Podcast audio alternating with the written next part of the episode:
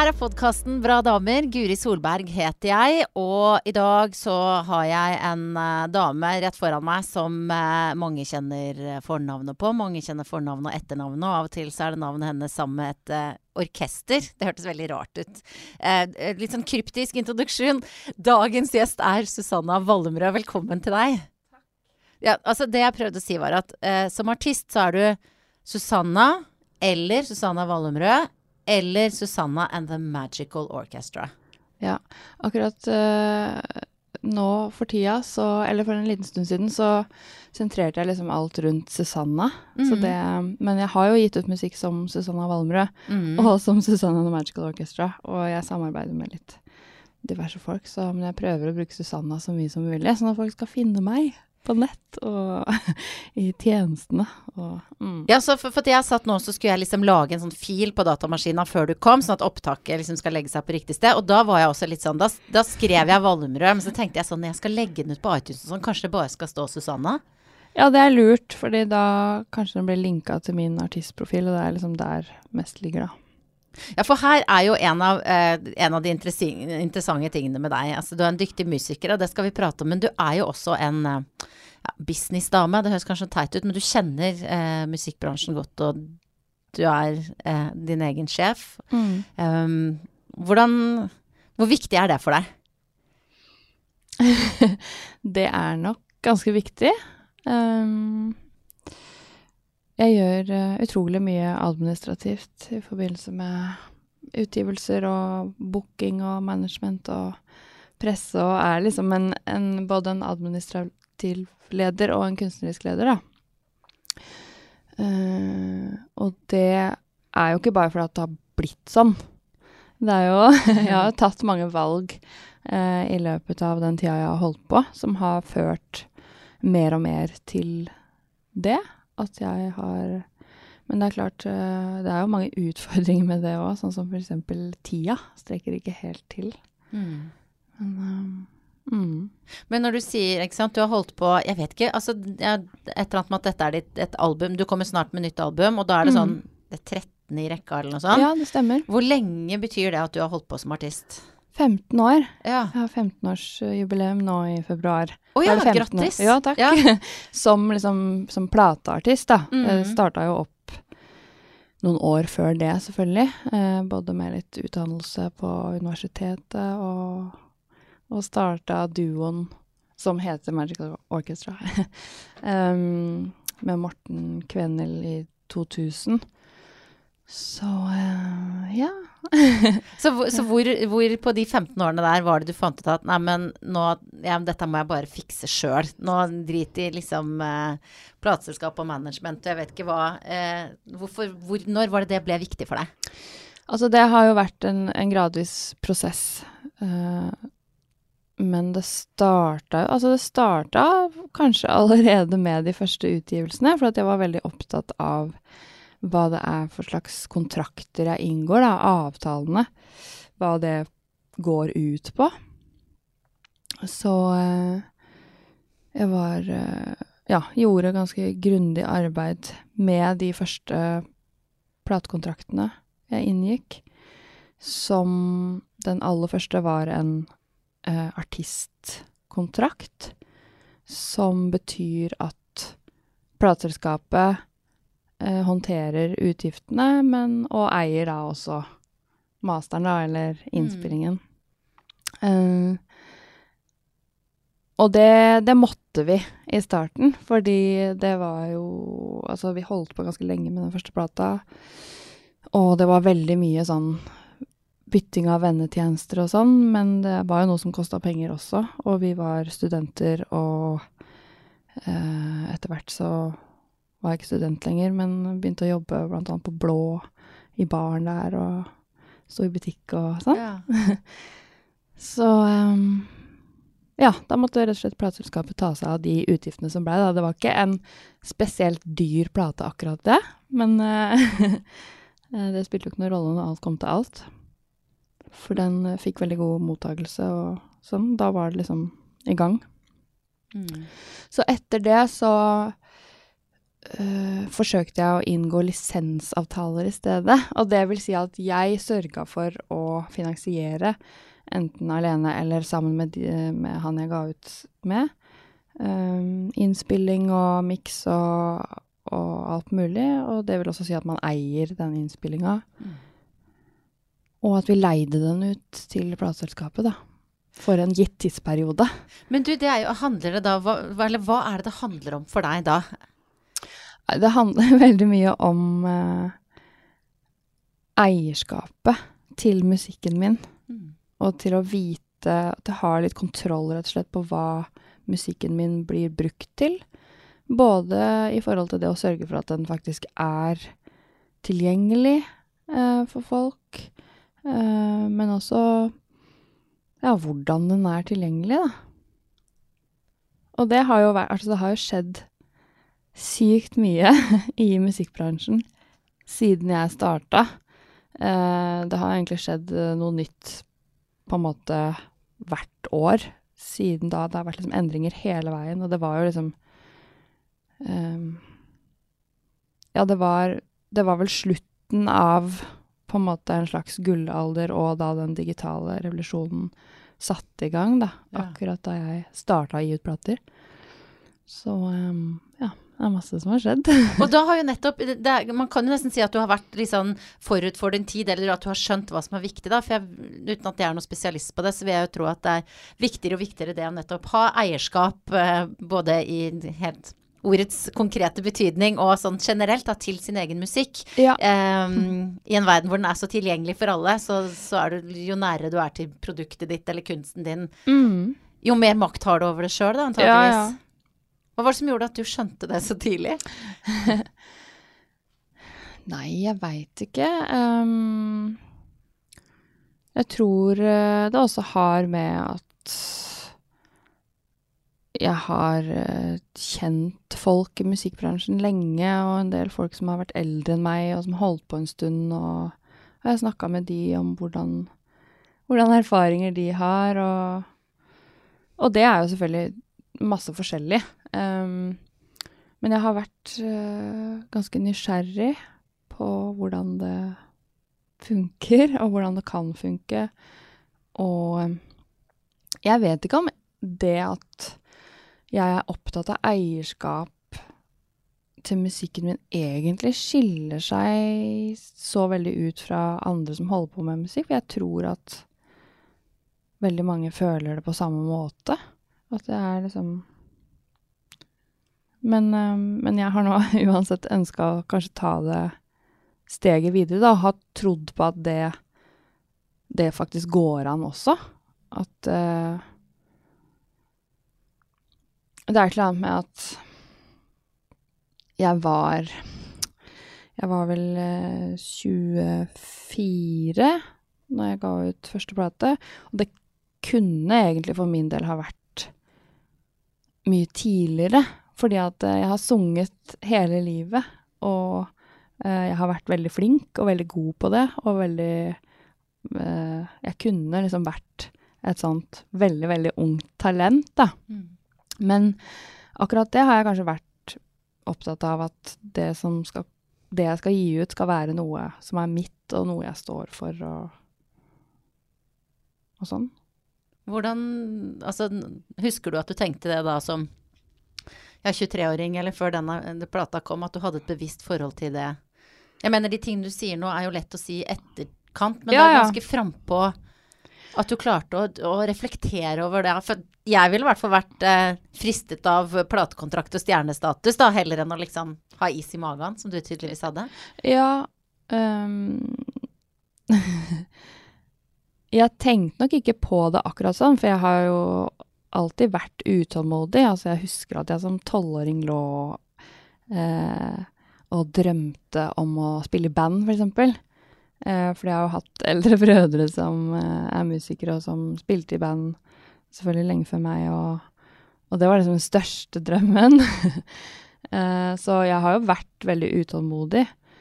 Um, men samtidig så er det Kanskje jeg bare er uh, veldig, veldig skeptisk. Å ja, jeg trodde du skulle si veldig, veldig smart. Men smart slash skeptisk, da. ja. Ja, er du det som, som person? Er- Beskriver det deg? Jeg er ganske skeptisk, ja. Jeg er jo tilbakeholden med, med, med mye. Eh, og og eh, selv om jeg Jeg ser jo nå at jeg har fått til mange ting, så har det vært liksom Jeg kommer jo fra den Jeg kommer fra den skeptiske sida, holdt jeg på å si. jeg kommer liksom fra Det er mot alle odds uh, hele tida, fordi det er noe i meg som sier at nei, dette kan umulig gå, det her det funker ikke. Og så er det en annen side som heldigvis sier, sier at det kan gå, det skal gå, og jeg skal bare få det til. Og det nå gunner jeg på. Ja. Mm. Hvilke situasjoner har du vært i hvor du har tenkt Nei, men kan dette gå bra, da? Det gjør jeg hele tida. uh, ja Nei, det, jeg, jeg, jeg tror jeg er redd for at det ikke skal gå bra, da. Jeg er redd for å ikke få det til. Redd for å Ja, for at det ikke skal bli bra nok, eller eh, at det ikke skal gå rundt økonomisk, eller Så sånn sett så har jeg jo valgt meg et ekstremt utsatt yrke og en utsatt posisjon, da. Eh, så ja. Det er nok litt sammensatt for min del. For jeg er jo veldig tiltrukket av det også, og liker det selvfølgelig kjempegodt, det å holde på med. Ja. Um, men uh, ja, det er ganske Det er ganske om Jeg tror det er flere enn to sider også. Det er ganske mange sider. For det har, du har liksom hele skalaen. Ja, ja, ja. på på begge sider, av følelser til det du holder på med. Ja, ja. Men hvordan mm. klarer du det, da? Hvis du har liksom Altså si live-situasjonen, da. Hvor Mm. det er da hundrevis, tusenvis av mennesker som har kjøpt billett og venter, og du kan, kan du da få den, den tvilen? Hvordan skal dette gå? Ja, det kan jeg. Jeg har hatt masse nerver for å stå på scenen opp igjennom, og det Altså, jeg har både på en måte stått på scenen fra jeg var veldig ung, sånn type allerede som femåring så sto jeg på scenen og sang med solo med barnekoret på bedehuset. Um, men eh, det tok nok ikke så lang tid før jeg ble veldig bevisst på hva det var det var. Og fra da av så, så begynte jeg å bli nervøs for at det skulle gå galt, liksom. For at jeg ikke skulle få det til, eller Så lista har liksom På en måte så kan man jo si at man legger en eller annen sånn list for seg sjøl, da. At det er en ambisjon om å få til noe veldig bra. Um, men i perioder så har det jo også vært veldig plagsomt. Det er jo det er ikke noe godt å ha det sånn. Um, Ja, hva gjør du da? Når den tvilen kommer snikende på ganske sånn upassende tidspunkt? mm, jeg har vært gjennom forskjellige runder med på en måte litt sånn mental trening. At uh, alt fra liksom oppvarmingsøvelser og sånne liksom fysiske ting, og pusteøvelser og sånn. Men også å ja bare være til stede i det. Tørre å være til stede i det, men ikke la det overmanne deg, på en måte. Ja. Eh, sånn at jeg Fordi jeg tror jo også veldig på at man skal bli litt spent. Man skal eh, Man skal ha en liten, en liten tvil også. Det er skjerpende, da. Mm. Um, så det Det um, Det tror jeg på, men jeg har liksom aldri blitt helt sånn dønn komfortabel med at Fordi det er Det er uforutsigbart. Uh, den her, det er ikke noe sånn man kan stille klokka etter, syns jeg. Det er liksom plutselig så så blir man nervøs for noe man trodde at man ikke skulle bli nervøs for, eller en setting eller en konsert, eller Mm. Eh, og så andre ganger så, så er det ikke den samme følelsen, da. Mm. Og så har vel du også eh, Nå prøver jeg å huske liksom hvor jeg har sett deg live, og, eh, men jeg tenker at eh, i enda større grad enn andre artister, så er det liksom lite å gjemme seg bak, da. Ja. Eller ikke Ja, da. det at andre gjemmer seg, men det er ikke noe Altså, du har ikke noe så mye dansemoves eller folk på scenen. Det er liksom deg Mm. og stemmen din og musikere, eller kanskje bare deg og piano. Ja, ja. Nei da, jeg har Igjen så har jeg satt meg i en veldig sånn utsatt eh, posisjon. Eh, og jeg husker jo altså i starten med, med duoen med Morten Kvenhild, eh, så nekta jo jeg å snakke. Oh, ja. Fordi det var en av de tinga som jeg ble veldig nervøs over. Så det var liksom sånn Jeg skal bare komme meg på den scenen og synge de her sangene. og spille sammen med han, og det hadde jeg veldig glede av. Men jeg var sånn Jeg skal ikke si noe. Så det får bare folk eh, tåle. At jeg ikke sier noe. Så da, men da fikk jo Morten seg en uh, talemikk, da. Å ja. Så han, uh, han uh, bøy på seg sjøl og fortalte litt Men nå, da? Nå prater du, eller? Nå prater jeg. Ja. Så det var um, Ja, det bare tok litt tid med meg for For å liksom bli komfortabel med ehm, Det er ikke det at jeg sier så mye nå heller, men nå er det, nå er det litt mer sånn Det går litt mer opp og ned, Uh, og jeg tar det litt mer på dagsformen og litt mer i forbindelse til hva slags repertoar jeg spiller og sånn. Mm. Noen ganger så um, Altså, dette nye albumet som kommer, er jo opprinnelig et bestillingsverk til Vossa Jazz. Eh, og da var jeg veldig opptatt av at, at eh, ja, disse låtene skal henge sammen, og vi har laga forbindelse, sånn at live så spiller vi det i tre seksjoner. Uh, for da syns jeg det er veldig fint å få den liksom den uh, Det fokuset da som, som de strekka gir, og, og det å være inni den musikken sammen med de jeg spiller med, men også sammen med publikum, da. Syns jeg er veldig fint uten at man liksom nødvendigvis gir så veldig mye informasjon, eller At Du beholder liksom- liksom, Ja, at man holder litt på- eller hva man skal Ja, ja. at man holder litt på det, for det, det er liksom ikke Jeg syns ikke Jeg syns ikke det er alle konserter og alle settinger og all musikk som på en måte trenger at noen sier sånn hei, hei. Ja, og det, verste, av og til det verste som fins, er jo hvis du er på en bra konsert, og så merker du at, uh, at vokalisten er utrolig ukomfortabel med å snakke. Så bare Ja, Hold kjeft! Bare spill! Ja, Bare spill! Ja, ja. Så det er jo et godt valg uh, ofte da, å spille. Ja, Ja. det er sant. Men hvordan føler du deg når du er på scenen? Uh, det er også Det varierer veldig. Eh, men eh, jeg eh, Jeg har blitt mye mer komfortabel med den situasjonen enn eh, enn jeg sikkert var i starten. At jeg følte som jeg Det var også i starten med, med Morten, så satt jeg jo bare på en barkrakk eller sånn. Det her, og det det, det passer jo kanskje til formatet, da, for det var jo liksom piano og vokal, og så litt uh, synter og litt uh, elektroniske ting, men, men ehm, det passa veldig bra for meg å, å sitte og synge også, at man får liksom en, en sånn ekstra ro på det, da. Men nå er det litt mer sånn at jeg liker å stå, jeg liker å bevege på meg, og ja, det er i, det er i utvikling. Mm. mm.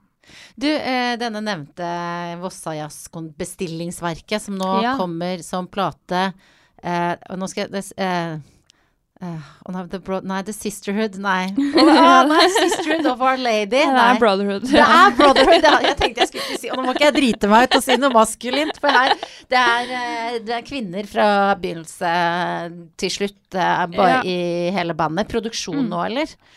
Ja, det var det på Vassajazz. Ja. Nå, det, nå skifter det litt mer. Men uh, mm, Ja, vi er fem uh, jenter.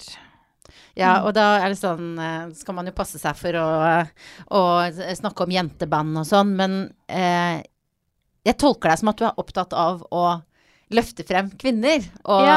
eh, så, altså, det, det, er, det, er dette et prosjekt du har? Eller fortell om tanken bak eh, Brotherhood of Sisters, holdt jeg på å si. Eh, ja.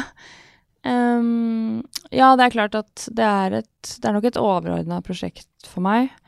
Uh, nå jobber jeg med veldig mange Veldig mange damer. Uh, og som presse og og akkurat begynt å jobbe med et nytt bookingbyrå og sånn. Uh, men også de jeg spiller sammen, har jeg lyst til å Jeg har lyst til å sette fokus på at det er veldig mange som holder på med ting der ute, som, eh, som folk burde høre og se og få med seg. Um, og så, så det er litt sånn Ja, det er nok et overordna prosjekt som, som durer og går litt, tror jeg, for, for min del. Selv om det er jo ikke sånn at jeg bare spiller med, med damer.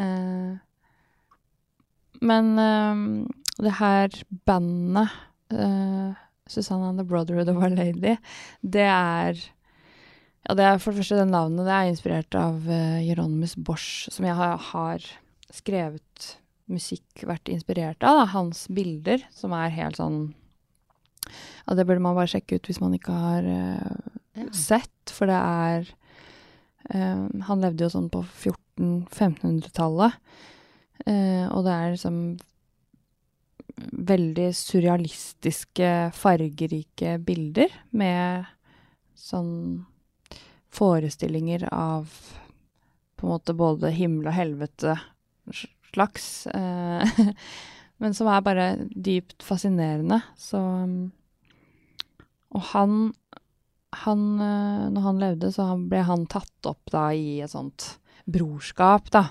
Eh, sånn religiøst brorskap i byen der han bodde. Og det mener de vel at var litt eh, Ja, det var litt unikt, siden han var kunstner, og de andre i det her brorskapet eh, var Ja, det var mange leger og litt mer sånn høyerestående folk i samfunnet, da.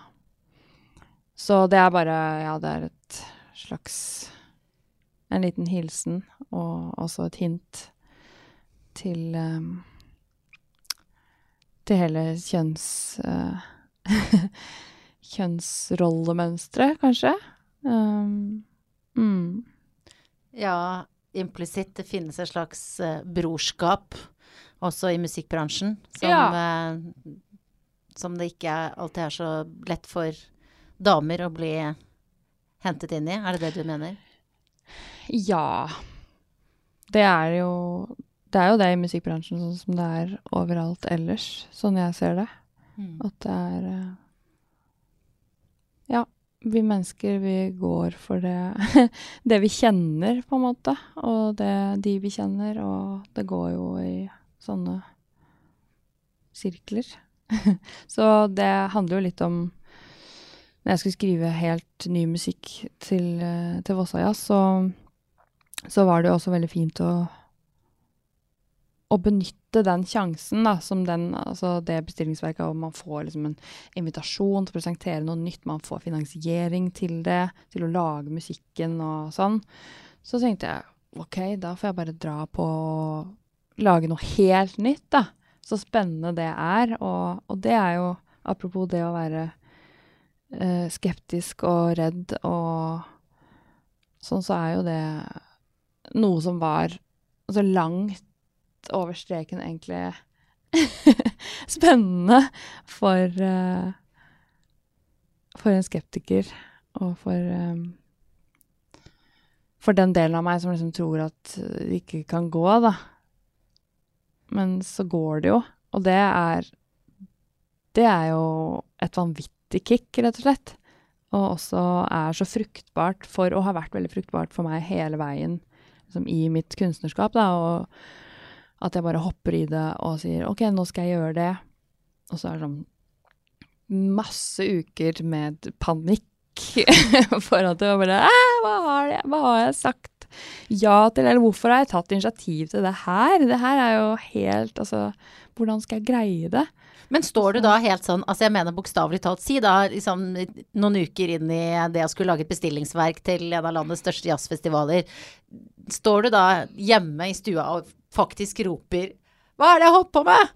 Eller hvordan er det arter seg den derre Jo da, den kan være veldig utadvendt, den panikken. um, men det er jo også en slags indre tilstand, da. At man liksom bare Shit, hva Hva skal det her bli?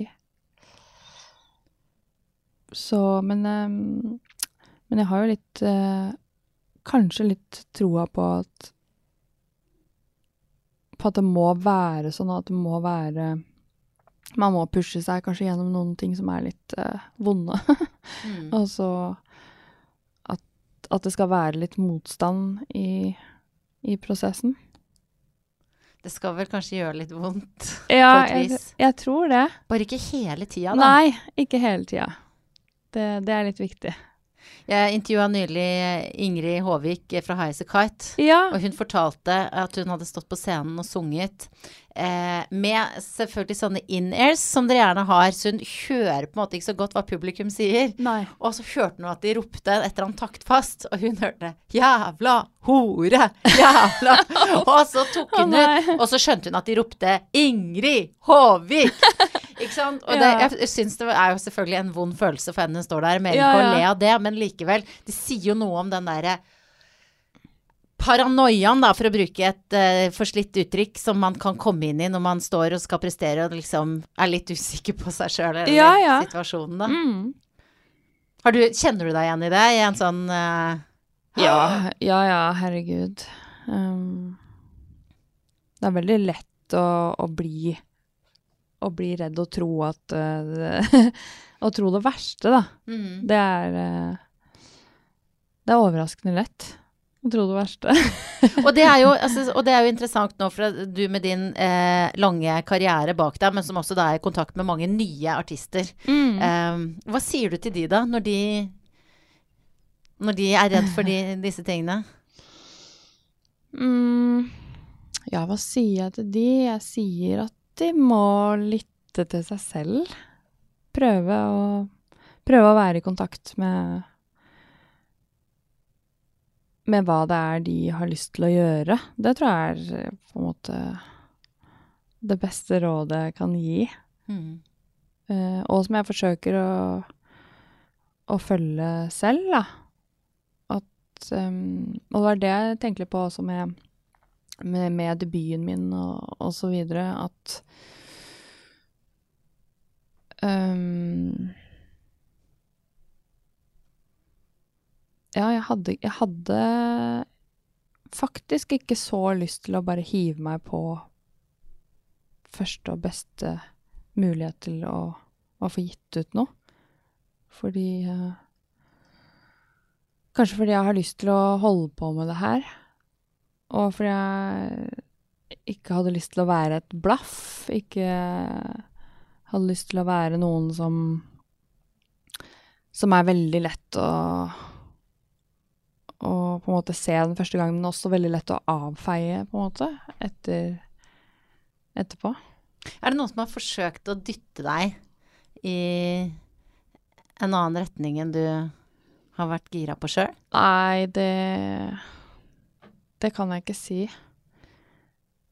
Um, men jeg tror også det er litt sånn fordi at jeg har kanskje bevisst holdt meg unna visse deler av bransjen. At jeg Altså Jeg har jo tross alt oppholdt meg litt mer i jazz, indie-landskapet, da. Uh, og ja, det fins vel sikkert eh, folk som Ja, hva skal man si? Har lyst til å dytte noen i, i, gal, i en annen retning enn det de ønsker sjøl. Eh, overalt. Men eh, jeg veit ikke. Pressmidlene er kanskje ikke så store der det ikke heller er så mye penger, eller så mye eh, liksom stjernestatus, da, eller ja. Derfor jeg, jeg oppfatter jo deg en artist som eh, med, med stor integritet, da. Og det er vel Mm. det du beskriver også, være i kontakt med hva du vil Ja. formidle, og ikke gå på kompromiss med det. Og så, eh, så Men så har du jo på en måte vært i kontakt med den kommersielle verdenen i aller høyeste grad. Altså musikken Ja din har blitt spilt på, jeg vet ikke, Grace Anatomy og altså ikke sant, sånn Mm. supershow hvor millioner av mennesker eh, hører musikken din. Så jeg bare tenker liksom Har du aldri vært frista til på en måte å hoppe på et eller annet sånn derre deilig kapitalistisk eh, tog hvor du kan bli superstjerne og tjene masse penger eller sånn? Jo, jo, men det er jo klart at det hender jo om man tenker at liksom kanskje det er noe annet. Kanskje det er noe jeg kan gjøre som, som vil treffe mange flere på en gang. Men jeg har liksom aldri holdt den tanken så lenge at jeg faktisk har gjort det. Nei. Hvis du skjønner? For jeg, jeg kommer liksom Hver gang jeg skulle tenke det, um, så kom jeg veldig fort til at akkurat det er det jo veldig mange andre som gjør mye bedre enn meg. Altså, jeg tror at Det er jo fordi at jeg har en tro på at det jeg gjør, det er uh, det beste jeg kan gjøre. Altså, det er ikke det at jeg, greier ikke noe bedre, men det er liksom det feltet jeg opererer innafor, den musikken jeg lager, og det Jeg opererer jo veldig ut ifra en slags sånn musikalsk og kunstnerisk magefølelse, og Ja. lar meg på en måte styre av det. Altså, nå, og da kan jeg liksom gå fra det å lage musikk eh, inspirert av Jeronomos Bosch til å lage en coverversjon av et eller annet. Eh, og det er Altså for eksempel coverprosjektet. Det er når man gjør coverlåter, så har jo det alltid vært liksom Eller alltid, sånn er det jo ikke, men kanskje de 20 siste åra, da, så har det vært veldig forbundet med at liksom det er noe man gjør for å nå ut til et større publikum, da, eller for å ehm, det er om ikke Det er ikke nødvendigvis en sell-out, men det er liksom litt en sånn derre En sånn publikumspleaser, da. Mm. Um, men det var, det, var på no, det var på en måte noe jeg eh, ikke oppdaga før jeg liksom hadde gjort det, at det var sånn folk så på det. Fordi at jeg visste ikke Altså, jeg, jeg sang jo bare disse låtene for jeg syns de var innmari fine, og jeg syns det har vært kjempeinteressant å, å jobbe med de og liksom få de til å bli mine, da. Og så lage disse arrangementene. Um, Men er det noen Så- som har eh, fortalt deg at uh, herregud, har du blitt helt selvout, eller når du begynte å synge 'Love Will Tear Us Apart' og Nei da, men uh, det er aldri noen som har sagt uh, noe sånt til meg. Men jeg har jo lest ganske mange anmeldelser og diverse skriverier på Så da ser man jo litt sånn tendensen hva eh, Ja, kanskje hva både hvermannsen og, og musikkjournalismen på en måte Hvordan de oppfatter da, hva man gjør, og noe som eh, Som Ja, kanskje en del i musikkbransjen eller musikkjournalistikken blir litt forvirra, er at jeg både lager egen musikk og gjør coverting, og jeg har gjort det hele veien, og jeg kommer til å fortsette å gjøre det. mm. uh, så lenge jeg finner det interessant, da. Uh, det er liksom ikke en Det er ikke en strategi. Det er ikke en måte. Det er ikke en uh, Og det Strategier er det jo en del av i, i musikkbransjen, vil jeg si. Um, I hvert fall i, i store deler av den, da. Så det er kanskje litt sånn det er kanskje litt annerledes. Um, og jeg veit ikke om det Kanskje jeg hadde lyktes mye bedre. altså eh, økonomisk, da, hvis jeg hadde hatt en sånn type mer strategisk eh, innfallsvinkel. Eh, men jeg er litt redd for å Jeg er nok litt redd for å liksom miste det jeg syns er viktig med å gjøre musikken.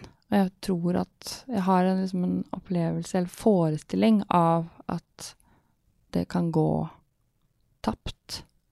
Liksom hvis jeg gjør noe som andre tenker at jeg burde gjøre, eller Mm.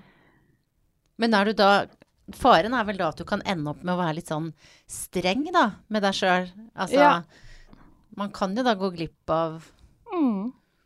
jeg vet ikke, sjanser eller opplevelser hvis, hvis du liksom skal passe på at ting går i riktig retning, at du ikke blir Ja, sell-out, det var Ja, ikke ja. et begrep du brukte om deg sjøl, da, men, men likevel. Er det noe, noe du har tenkt på? Eller er du, er du for streng av og til? Ja, det kan nok hende. Ehm, jeg, jeg tror at jeg har blitt mindre streng. Um, fordi jeg har Altså, i, helt i starten, som sagt med duoen med Susanne Magical Orchestra, da, da bestemte jeg meg veldig konkret for at det er det jeg skal bruke min musikalske energi på. Det er den duoen. Eh, jeg skal ikke gjøre noe annet. Jeg skal ikke gjøre noe annet for andre. Jeg skal ikke Altså, jeg skal ikke Jeg var veldig opptatt av at jeg ikke skulle forsøke å livnære meg av musikken liksom på død og liv. Jeg ville heller eh, Jeg jobba i, i Nota Bene og, og dro på turné liksom, og spilte inn plater de første åra. Um, og var veldig opptatt av at um, jeg ikke bare skulle gjøre alt mulig av musikk, da. Men at jeg skulle fokusere alt inn på den duoen. Um, og det Det er jo litt strengt. Mm. Eh, og så eh, har jeg vel åpna opp litt mer og mer, og fått også litt mer behov for å åpne opp, da. Og sett liksom alt fra med soloprosjektet mitt med trioen, som egentlig ikke Det tok ikke så lang tid etter den første plata før jeg starta opp det. Så gjorde jeg jo et bestillingsverk eh, sammen med Jenny Wahl i 2009, som vi ga ut på plate noen år seinere. Og det var jo også kjempeinspirerende. Og um, Jeg tror at jeg har lært at hvis jeg slipper litt mer og overlater noen ting, også med det kunstneriske, til folk rundt meg, så vil det påvirke meg i en god forstand, da. Ja. Men har det Eh. sittet langt inne? Altså det å også gi fra seg kontrollen over musikken? Ja Det har nok det. Hva har det vært vanskelig? Har det sånn Det kan hende. Eh, Det, det syns jeg er vanskelig å si hvordan andre har oppfatta meg. Eh, Jeg har men, ikke, eh, jeg, dette, dette er ikke, det er ikke sånn Jeg har hørt at du er vanskelig. Nei, nei, nei, jeg tar det ikke sånn heller. Um, men, jeg, men det er liksom den derre ambivalensen igjen. Jeg tror jo også at man skal At man skal holde på noen ting som er ens eget. Uh, men så må man kanskje også lære seg når man, skal, når man kan slippe det, og når det ikke er så farlig. Mm. Um, men jeg tenkte faktisk litt på det når jeg så den her eh, dokumentaren med Aurora. Ja. Jeg vet ikke om du har sett den? Jo, jeg har sett den. Um, Veldig bra. Og, da um, og da er det jo disse diskusjonene om sånn produksjonsmessig, da. Eh, og det er jo litt sånn Jeg kjenner meg jo veldig igjen i det. Og eh, det kan jo folk rundt synes at er vanskelig å forholde seg til, fordi at eh, Jeg vet ikke, fordi det enkleste hadde bare vært om folk sa bare ja, gjør, gjør hva du vil, du. Men jeg tror jo på at eh, Altså hva som blir best, og hva som Det der er Det er veldig vanskelig å vite. Men det handler jo om en sånn egen Ja, det eierskapet igjen, da. Og den Hvis det skal ha en mening å gjøre det, så må man jo liksom føle at det er en del av en selv, og at ikke man kommer med noe som bare ble plukka helt fra hverandre og så satt sammen på nytt. Så sånn skal det være. Da er det Da funker det, liksom. Og så føler du ikke noe forbindelse til det lenger. Mm. Og dette her, jeg kjenner igjen, det er mange, altså, sant, flere artister, men også folk med andre jobber som jeg har prata med litt om det samme. Det der med at å være eh, når, man, når man slutter å være redd for å være vanskelig, Ja, så er det en veldig stor frihet. Jeg er bare Mm. sånn at uh, jeg vet også at jeg med eh, alderen har blitt, hva skal jeg si, tydeligere. Mm. Jeg også tenk, og det er utrolig deilig når det bare Nei, men jeg tror ikke det blir bra. Jeg syns vi skal gjøre det sånn. Ja, ja. Og det man kan liksom Jeg tror det var Astrid S jeg prata med, som bare ja, har plutselig fått en litt sånn selvbevissthet over seg. Men bare åh, men jeg vil jo ikke at folk skal synes jeg er diva. Og jeg bare Drit i det! ja, ja. Kjør på! ja. Vær diva. Ja. Nei, det, nei, det syns jeg virkelig ikke man skal være redd for. Og jeg tenker også at det er jo noen utfordringer igjen tilbake til kjønnsproblemstillingen. Så tenker jeg at det er, det er jo noen uh, ting med det å være kvinne i Selvfølgelig i en mannsdominert uh, bransje, men jeg bare tenker på hvordan vi alle liksom opplever en kvinne som sier hvordan ting skal være i forhold til en mann som Altså, det er jo en selvfølge. At en mann liksom sier Og da snakker jeg ikke om å være Altså, man må jo oppføre seg, man må jo være respektfull overfor omgivelsene sine, og det handler ikke om det, men um, Men jeg tenker at øh, Ja, at alle, alle skvetter litt mer av en dame som ikke smiler hele tida, eksempel, eller som som, ja, som sier hvordan det skal være, eller som sier nei, til og med, Mm. istedenfor ja. Det er egentlig ganske viktig. for Jeg tenkte å spørre deg om det, men det er jo et stort spørsmål, all denne kjønnsproblematikken. Hva, hva skal vi gjøre? Men det er jo nettopp det vi, jeg tenker vi må gjøre, da. Altså bare jobbe med oss sjøl, hvordan vi ser på kjønnene forskjellig. For Mm. at, jeg også, selv om jeg liksom er erklært feminist og alt mulig, så er det et eller annet som er programmert oppi her Ja, ja, som gjør at jeg tenker catfight. Hvis du, altså, altså, alle mulige, nå kommer jeg ikke på noe bedre eksempel, men sånne teite merkelapper man setter på en diskusjon Ja, ja, eh, ja. blant to menn. Eller at man Mm. har noen sånne rare bilder som man, eh, eh, man plukker opp som kommer fra ja, bare år på år med en eller annen spesiell oppfatning, da. Ja, ja. Og jeg, altså, jeg tenker at det er Det er noe som er i bevegelse, og vi det er ikke Det er ikke statisk for meg heller, selv om jeg er feminist, og det har vært en lang vei for meg, og jeg tar meg sjøl i Jeg har masse fordommer, jeg òg. Jeg har masse fordommer både mot kvinner og mot menn.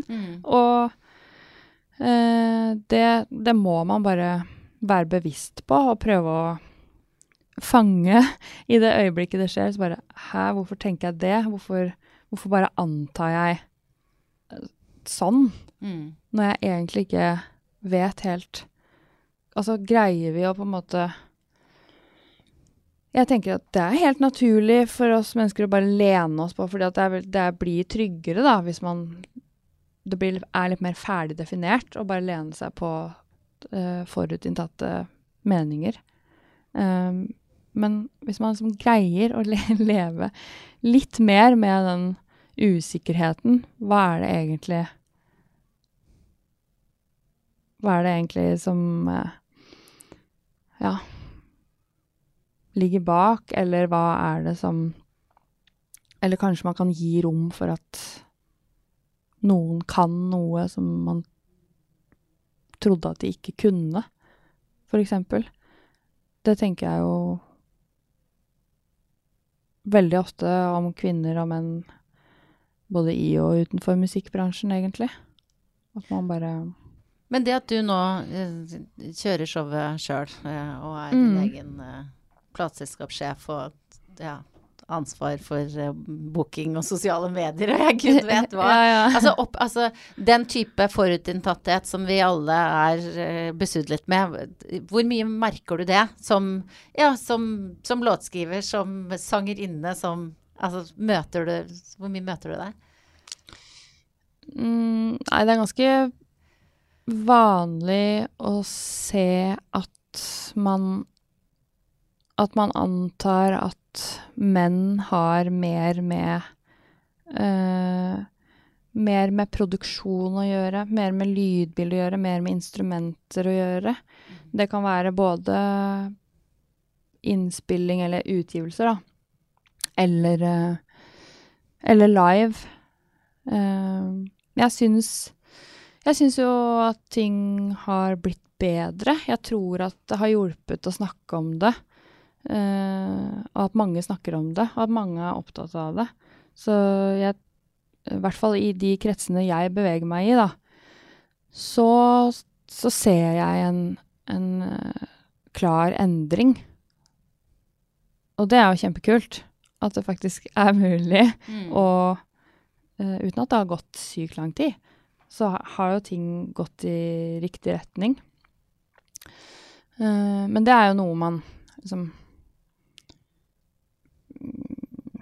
Altså, jeg har alltid vært Jeg har alltid vært liksom klar over uh, problematikken, altså kjønnsforskjellene. At man blir behandla uh, an- eh, ulikt, og at man blir behandla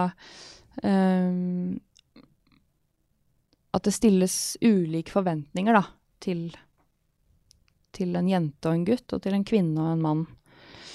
Men jeg Jeg vet ikke, det var ikke så tenkte ikke så mye på de tinga når Morten og jeg starta å spille sammen, og vi begynte å reise rundt og spille og ga ut musikken vår osv. Så, videre.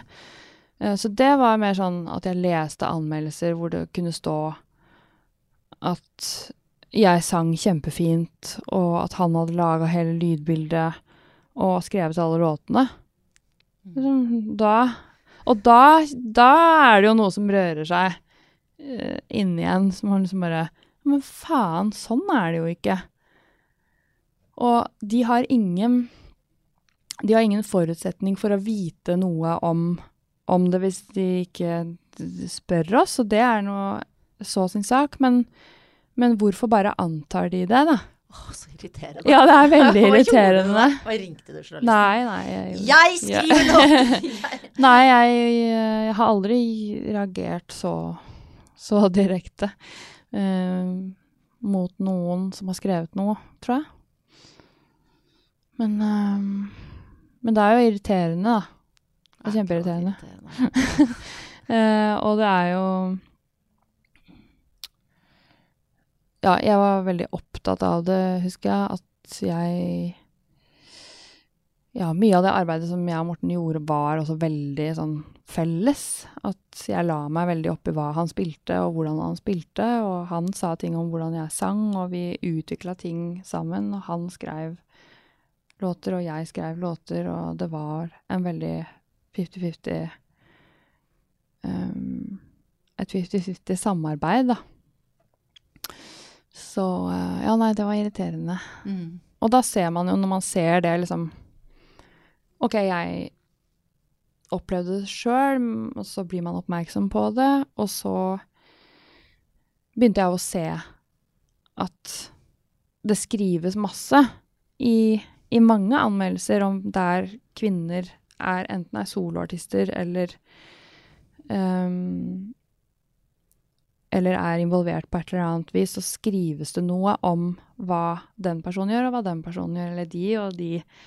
Og da bare begynte jeg å se et mønster, rett og slett. At det, hm, det er jo Uten at jeg kan vite, selvfølgelig, detaljene overalt i hva det er som har skjedd, men jeg syns Jeg syns det er eh, rart å bare tillegge noen noen egenskaper, da, ut ifra at de er det og det kjønnet. Mm. Og det kan jo være en øvelse for alle som hører på denne podkasten. F.eks. da begynne å se på hvordan eh, kvinner og menn blir beskrevet eller tillagt ulike egenskaper. Og akkurat nå når vi gjør dette opptaket, så er det jo Så jeg har hørt eh, Sigrid Bonde Tusvik eh, rante i podkasten sin om menn i eh, humorbransjen. Og der også er det så veldig mange historier om, om hvordan kvinner omtales forskjellig. Og, ja, så det, det, er, det er bare et, et steg på veien å på legge Mm. merke til det og være litt bevisst på det. Mm. Ja, altså, for det er jo Nå skal man jo uansett ikke ta alt man leser eh, rundt omkring for god fisk i disse dager. eh, så det er greit å være litt kritisk. Eh, men det er ganske interessant å se hvordan det da også bare danner seg noen forsterka oppfatninger, da. Og noen eh, bilder av hvordan ting henger sammen. Som eh, ikke nødvendigvis er sånn det er. Mm. Du, du nevnte kunstneren Bosch i stad, Mm. og himmel og helvete. Du har også tidligere gitt ut en eh, plate som har handla mye om døden. Altså, jeg Mm. tenker sånn eh, ja, altså, Du sitter jo her og smiler, og det er ikke sånn at jeg tenker at du er så veldig sånn Men det, du slår meg at du tiltrekkes av liksom, det mørke. Ja, det gjør jeg nok. Hva, hvor kommer det fra? Har det alltid vært sånn? Mm. Det er ikke så godt å si. Eh, jeg husker ikke nødvendigvis at eh, at det var sånn når jeg vokste opp, men det er klart Jeg har nok hele veien vært opptatt av det veldig sånn eksistensielle, da. Eh, og, og også siden jeg vokste opp i et kristent hjem og i et kristent miljø og vært gjennom masse forskjellige typer menighetssammenhenger og sett, sett kristendommen fra forskjellige steder. Eh, så tenker jeg at jeg ble introdusert for, for de der forestillingene, f.eks. om himmel og helvete, veldig tidlig. Og, og også en åndelighet. ehm, at det er Ja, at det er liksom flere lag i oss mennesker, da. Og Ja. Synd og moral og Ikke sant. Det er mange Men de tingene, det at du, du vokste opp med, med de forestillingene, er det sånn at du, da du var liten, var det sånn at du trodde at du kom til helvete, f.eks.? Hvis du gjorde et eller annet gærent? Ja, ja, ja. Mm. Mm. Tror du det fortsatt? Nei, Nei. det tror jeg ikke. Men hva, hva, hva gjør det med altså, Det er en sånn en følelse jeg er nysgjerrig på. Det å, Mm. Jeg kan være misunnelig på de som har en gud, eh, som jeg selv ikke tror Ja. jeg tror på. Men, for det kan, må være noe vakkert og deilig. Men å frykte helvete Som femåring, eller jeg vet ikke. Ja, ja. Nei, det er jo det er, det er spesielt. Altså, nå har jo ikke jeg prøvd noe annet, holdt jeg på å si. Så jeg vet jo ikke helt akkurat hvordan det føles. Uh, men um, Ja, kanskje spesielt det, det med en liksom sånn allmektig og allseende og dømmende Gud, da, som er veldig opptatt av hva, hva du gjør. det, det er rart å forholde seg til. Men uh, som sagt, jeg, jeg hadde jo ikke noe annet Jeg visste ikke om noe annet når jeg vokste opp, så jeg trodde at det skulle være sånn. Så jeg har brukt veldig lang tid på å fjerne meg fra det, og liksom bevisst um, tatt et, eller mange, oppgjør med det gjennom lang tid. Uh, og jeg tror at, at det sitter såpass hardt i, i meg, fordi jeg har vokst opp med det, at, at det er en del av meg, og vil være en del av meg alltid. Det er liksom ikke noe jeg kan bli helt kvitt. Mm. Eh, så selv om jeg ikke er en troende lenger, så er jo de forestillingene er jo med meg på en eller annen måte, da. Husker du hvordan du så for deg helvete da du var liten og hadde disse denne troen som du sikkert hadde da som barn? Mm. Nei, det, det husker jeg faktisk ikke. Det tror jeg har vært en sånn forestilling i utvikling, holdt jeg på å si. Eh, men det var jo veldig mye sånn Jeg husker jeg hadde en barnebibel med med tegninger i, så det var jo veldig masse Man fikk jo servert eh, ferdige bilder der til, eh, til alle de der historiene. Og det Altså Jeg tenker jo at det, det kan være en morsom eventyrbok. Altså hvis det hadde vært Hvis det hadde blitt presentert på den måten, da. Um, nå ble det jo ikke det, så da er det litt annerledes. Da er det ganske eh, Ja, da er det ganske grafisk, eller ganske sånn Det blir liksom Det får en ekstra dimensjon, da. Tenk at vi skulle ende opp i helvete. ja. Hvordan så ditt helvete ut? Ja, ja, fascinerende. Men, eh, men, men noe som du på en måte har Som ikke er en del av livet ditt nå, da forstår jeg. Ja, Mm, det er sant. mm. Mm. Så da er det ikke en bibel du har med deg. Eh, Jeg vet deg jeg må ta med noe som sier noe om hvem du er. Ja. Men se, du har altså djevelen på veska di. Ja. Unnskyld meg, nå skal ikke jeg bli ja, og du, se på den. Det er mm, en britisk kunstner som heter Polly Noor. Ja. Og hun lager sånne damer som har djevler inni seg. Du må sjekke ser- ut det. Hun Fordi har hun- vrengt av seg, ja, Ja, hun har vrengt. Det er en dame, egentlig. Men så bare endelig har hun kommet hjem, liksom, satt seg ned i stolen. Tar seg en øl og en- slipper ja, i seg. ja, ja. Ja, ja, kan jeg kjenne meg igjen i. Men ja. Det var ikke Ja, den du egentlig skulle eh, vise. nei, det var ikke Hun har laga veldig mye fint, så det er verdt å sjekke ut. Uh, nei, det var ikke det heller. Skal vi se. Ja, jeg lurte jo på hva i all verden jeg skulle ta med. Eh, men jeg endte opp eh, på de her. Um, Så det er en Mummitroll-esken. Ja, det er altså Er ikke de fine? Bitte små mummitrollkopper. ja, Mini, og mini, så utrolig nydelige. Ja, de er veldig fine. Jeg tok med de fordi det var enklest å ta med, men jeg, jeg samler på mummikopper. Oh, ja. Eh, for de syns jeg er så utrolig fine. Um, så nå har vi vel ah, kanskje 60, tror jeg, ulike yes. kopper. og det er sånn Det er rett og slett en del av liksom, dagliglivet. Og hver morgen liksom finne seg en kopp.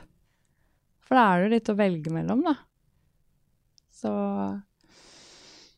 Så er det veldig hyggelig å få servert kaffe i kjærlighetskoppen av mannen min. Eh, Men noen ganger så får jeg noen andre kopper òg, da. Ja, hvis du får snusmumrikken og sånn, hva betyr det? uh, nei, det veit jeg ikke, men uh, det er en sånn Jeg husker ikke hva den figuren heter, men det er en sånn uh, liksom politidetektivaktig, og den, den koppen får jeg en del, da. Oh, ja. Ja. Han, hvis han syns jeg er litt streng, så får jeg, får jeg den.